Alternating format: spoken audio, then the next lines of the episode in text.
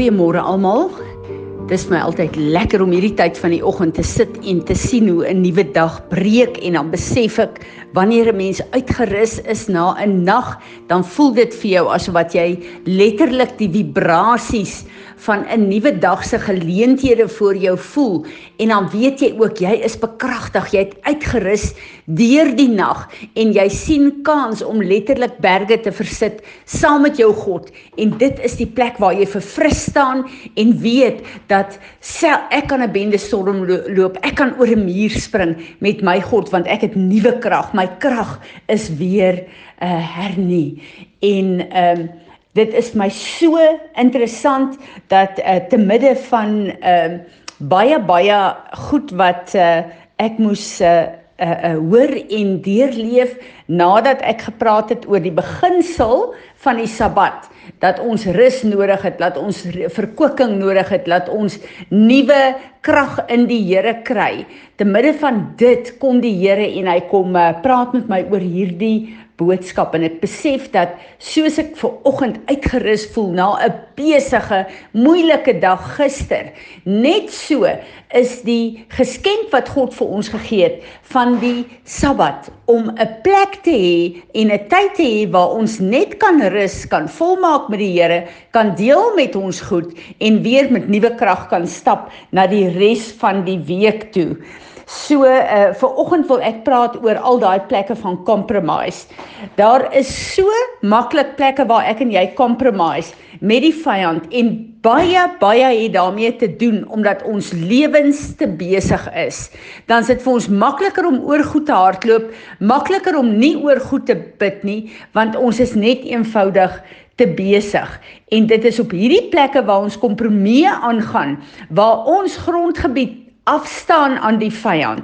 Ons moet besef dat Jesus gesê het hy het nie gekom om vrede te bring nie, maar hy het gekom om die swaar te bring. Wat beteken dit?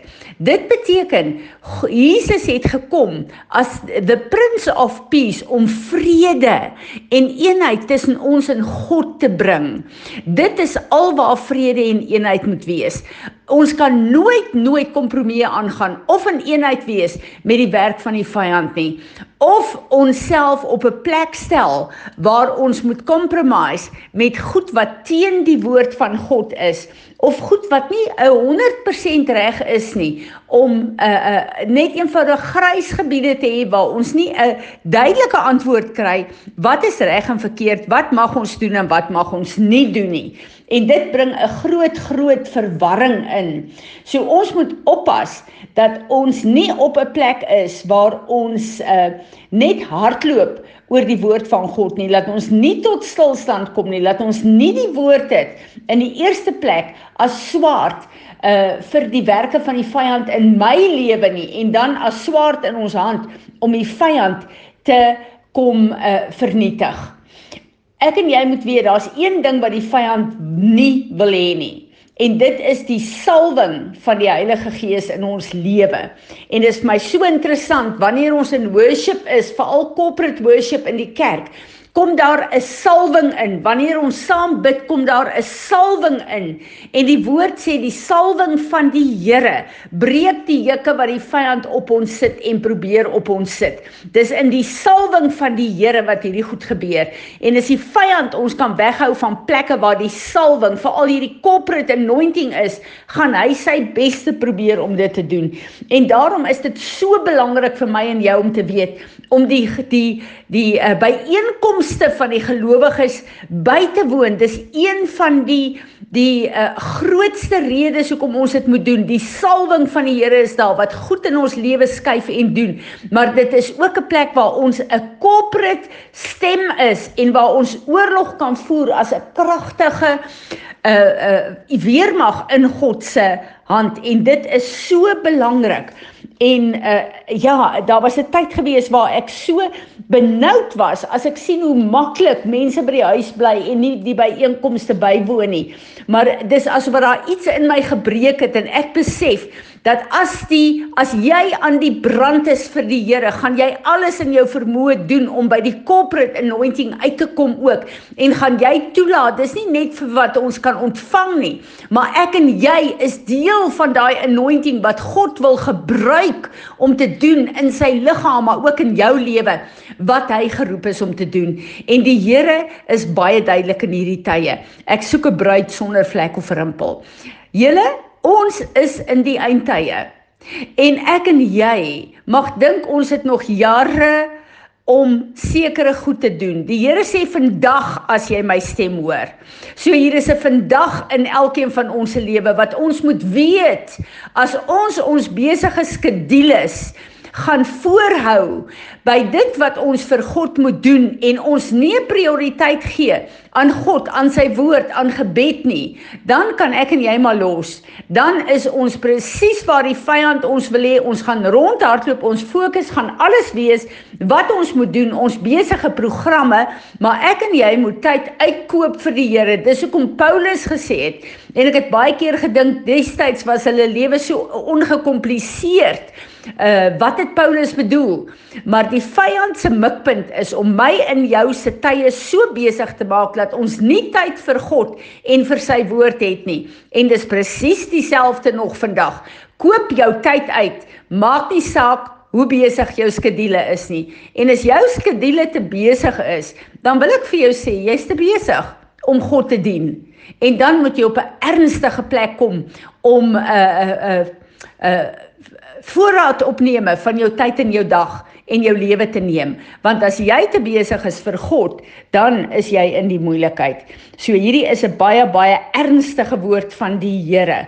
En weet julle uh, terwyl ons so 'n ernstige uh um ek wil amper sê emotion gehad het van mense wat die Sabbat lering misverstaan en dink ons wil onder die wet ingaan. Nee, dit het niks daarmee te doen nie. Dit het te doen met die beginsel wat God vir ons gegee het, die geskenk wat God vir ons gegee het, wat 'n teenvoeter is vir al in besige programme en ek wil vir julle sê, die mense wat ek ken wat die Sabbatsbeginsel beginsel onderhou, is die mense wat nie beïnvloed word deur die redreis van die samelewing wat so besig is nie en daar is 'n vrede komponent in hulle wat ek dink die kerk van Jesus Christus op hierdie stadium baie nodig het. Ons is in 'n plek van een van die grootste oorloë wat uh, ons in ons leeftyd moes beklei en as ons kyk na die fisiese buite uh hoe ons op die rand staan van die derde wêreldoorlog dan uh, besef ons dat in die gees lyk dit net so.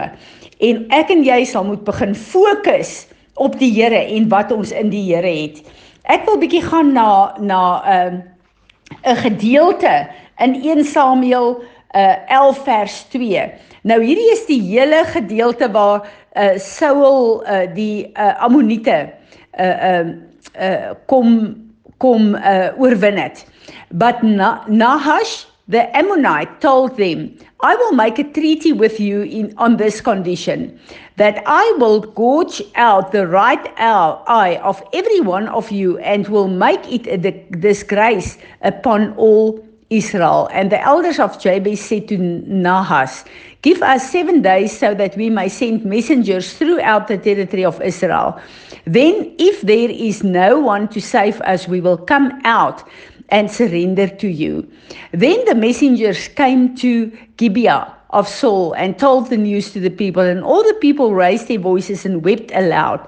Now Saul was coming out of the field behind the oxen, and he said, What is the matter with the people that they are weeping? So they told him about the report of the men of Jabez. The Spirit of God came upon Saul mightily when he heard these words, and he became extremely angry, he took a, a, team of oxen and cut them in pieces and sent them through the territory of Israel, saying, Whoever does not come out to follow Saul and Samuel, the same will be done to him, uh, to his oxen. Then the fear of the Lord fell on the people, and they, they came out and united as one man with one purpose. Um, ja, en dan uh, kyk ons na na uh, hierdie hele geveg. Um, dis net baie baie interessant. Wat is die vyand se kompromie om die regter oog uit te steek? As ek en jy kompromie met die vyand aangaan, dan moet ons weet hierdie regter oog uh het gestaan van uh die manier wat hulle geveg het is dat hulle swaard was aan hulle regterhand gewees en hulle skild was in hulle linkerhand gewees. So as die regter oog uitgesteek is, dan bedek die skild die linker oog. So hulle kon nie sien in oorlog nie. En as jy nie kan sien en uh die werke van die vyand kan kan onderskei nie, dan kan jy verseker nie in 'n oorlog staan nie. En uh, dit is wat gebeur met my en jou wanneer ons uh, op 'n plek kom waar ons kompromie met die vyand aangaan. Die Here kom in uh, 2 Kronieke wat ons so goed ken en hy sê: If my people will humble themselves and pray. Ek en jy se gebedslewe bepaal hoe naby ek en jy aan God is. Hoe lyk jou gebedslewe? 'n Plek van gebed is 'n plek waar jy jouself humble en 'n onsigbare fisiese God aanbid en aanroep waar jy erken dat jy kan niks doen op aarde as God dit nie vir en deur jou doen nie. Jy het geen autoriteit nie. Jy humble jouself in die vlees sodat die autoriteit en die krag van Jesus Christus kan opstaan in jou en sodat jy met die woord van God hierdie swaard kan neem en hierdie geveg kan veg. Ek en jy moet onsself in 'n uh, 'n uh, gebed voor God humble. En gebed is een van die sleutels, een van die uh uh maatstowwe om te stawwe om te kyk hoe is ek en jy gehumble van uh, uh, voor die Here. Hoeveel afhanklik is ek en jy van God en hoe afhanklik is ons van ons eie vlees, ons eie programme, ons eie intellek, ons eie vermoëns. Hierdie is die maatstaf. Dis hoekom die Here sê, "Come and humble yourselves, pray and seek my face, and I will bring healing and restoration." Watter plekke in jou lewe is jy mekaar? Watter plekke het genesing nodig? Watter plekke het herstel nodig? Elke een van ons is op 'n plek waar ons daagliks God se aanraking nodig het. En dit is hoekom die Here kom en hy sê in Openbaring 3. Onthou die vyand kom en hy wil ons oë uitsteek, hy wil ons visie wegvat, hy wil ons fokus van God wegvat. En dan kom hy en hy kom sê vir ons in in 'n uh, 'n uh, uh, vers 18 uh Openbaring 3 vers 18. I counsel you buy from me gold that has been heated red hot and refined by fire so that you may become truly rich. Wat beteken dit? Ons moet van tyd tot tyd in die vuur van God wees want dis net hierdie suiwer goud wat iets werd is nie net in die gees nie maar ook hier op aarde. White clothes representing the righteous. Ek en jy moet al hierdie klere, wat ons aan het, van shame, van ongeregtigheid, van sonde, uh, ons moet daai goed uittrek. Ons moet sorg dat ons naak voor God staan dat hy ons met die geregtigheid van Jesus weer kan kom uh, beklee. Maar dan baie belangrik, the healing salve to put on your eyes so that you may see. Elke plek waar ek en jy se oë uitgesteek is, waar ons gekompromise het, waar ons visie geblur word, kom ons koop in geloof hierdie oogsalf van die woord en ons smeer dit aan ons oë dat ons kan sien en hoor wat die gees van God vir ons sê. Ons is in 'n oorlog, maar ek en jy het alles in Jesus Christus en sy oorwinning om elke geveg in ons elke dag se lewe in oorwinning af te handel, sodat hy, the prince of peace wat vrede tussen my en jou en God gebring het, die oorwinning oor al die werke van die vyand kan verklaar. En dat die vyand nie oor ons heers nie, maar onder ons voete is, soos wat Jesus vir ons die autoriteit gegee het om hom te plaas. Kom ons bid. Here, ek wil ver oggend kom en ek wil myself kom humble voor U. Ek wil kom vergifnis vra. Here, vir elke plek waar ek gevegte in my eie krag wil af uh, wil veg. Ek wil kom vergifnis vra vir elke plek waar ek kompromie met die vyand aangegaan het. Here, waar my oë, my visie weggevat is.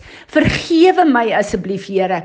Ek wil kom vergifnis vra, Vader, dat my program so besig is dat U nie prioriteit is in my program nie. Vergewe my asseblief asseblief Here, vergewe my asseblief en ek wil kom en ek wil vra dat U in my 'n brandende vuur aan die brand sal steek. Here, dat die kole van U altaar wat ek net in intimiteit met U kry, dat daai kole die vuur in my in die brand sal steek. Here, dat ek 'n brandende vuur vir U sal word. Heilige Gees van God, kom waai oor hierdie kole en oor die vuur, dat ek brandend sal wees en dat ek deel sal wees van wat U my geroep geroep het om te doen in u liggaam in u koninkryk hier op aarde. Ek wil nou kom in geloof, Here. En ek wil vra, ek koop van hierdie oogsalf en ek smeer dit aan my oë. Ek wil sien, ek wil u visie hê. Kom bekleë my opnuut met die geregtigheid van Jesus Christus. En Here, ek bid vir genesing, herstel, restaurasie, maar 'n bekragtiging deur u Gees om u swaar te neem en die gevegte te veg sodat die oorwinning van my Heer en my Meester Jesus Christus kan manifesteer en u die eer kan kry. Amen.